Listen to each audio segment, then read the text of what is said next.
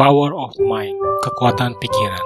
Jadi, akhirnya, saudara-saudara, semua yang benar, semua yang mulia, semua yang adil, semua yang suci, semua yang manis, semua yang sedap didengar, semua yang disebut kebajikan dan patut dipuji, pikirkanlah semuanya itu.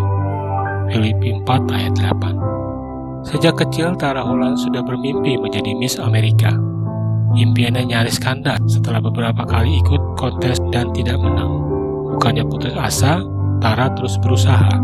Akhirnya, pada 1997, ia sungguh-sungguh terpilih menjadi Miss Amerika. Ketika ditanya seorang wartawan, apakah ia canggung berjalan di atas panggung? Tara menjawab, tidak, karena saya sudah berjalan di atas panggung ribuan kali dalam pikiran saya. Ada pepatah dalam bahasa Latin, Fortis imaginatio generat casum. Artinya, imajinasi yang jelas menghasilkan kenyataan.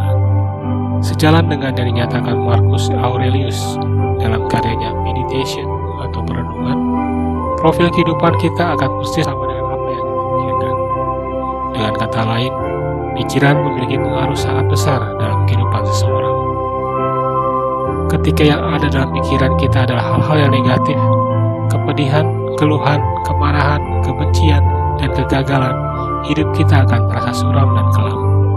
Sebaliknya, kalau pikiran kita syarat dengan hal-hal positif seperti kesuksesan, kasih, sukacita, kebaikan, dan kebahagiaan, dunia pun akan terasa cerah.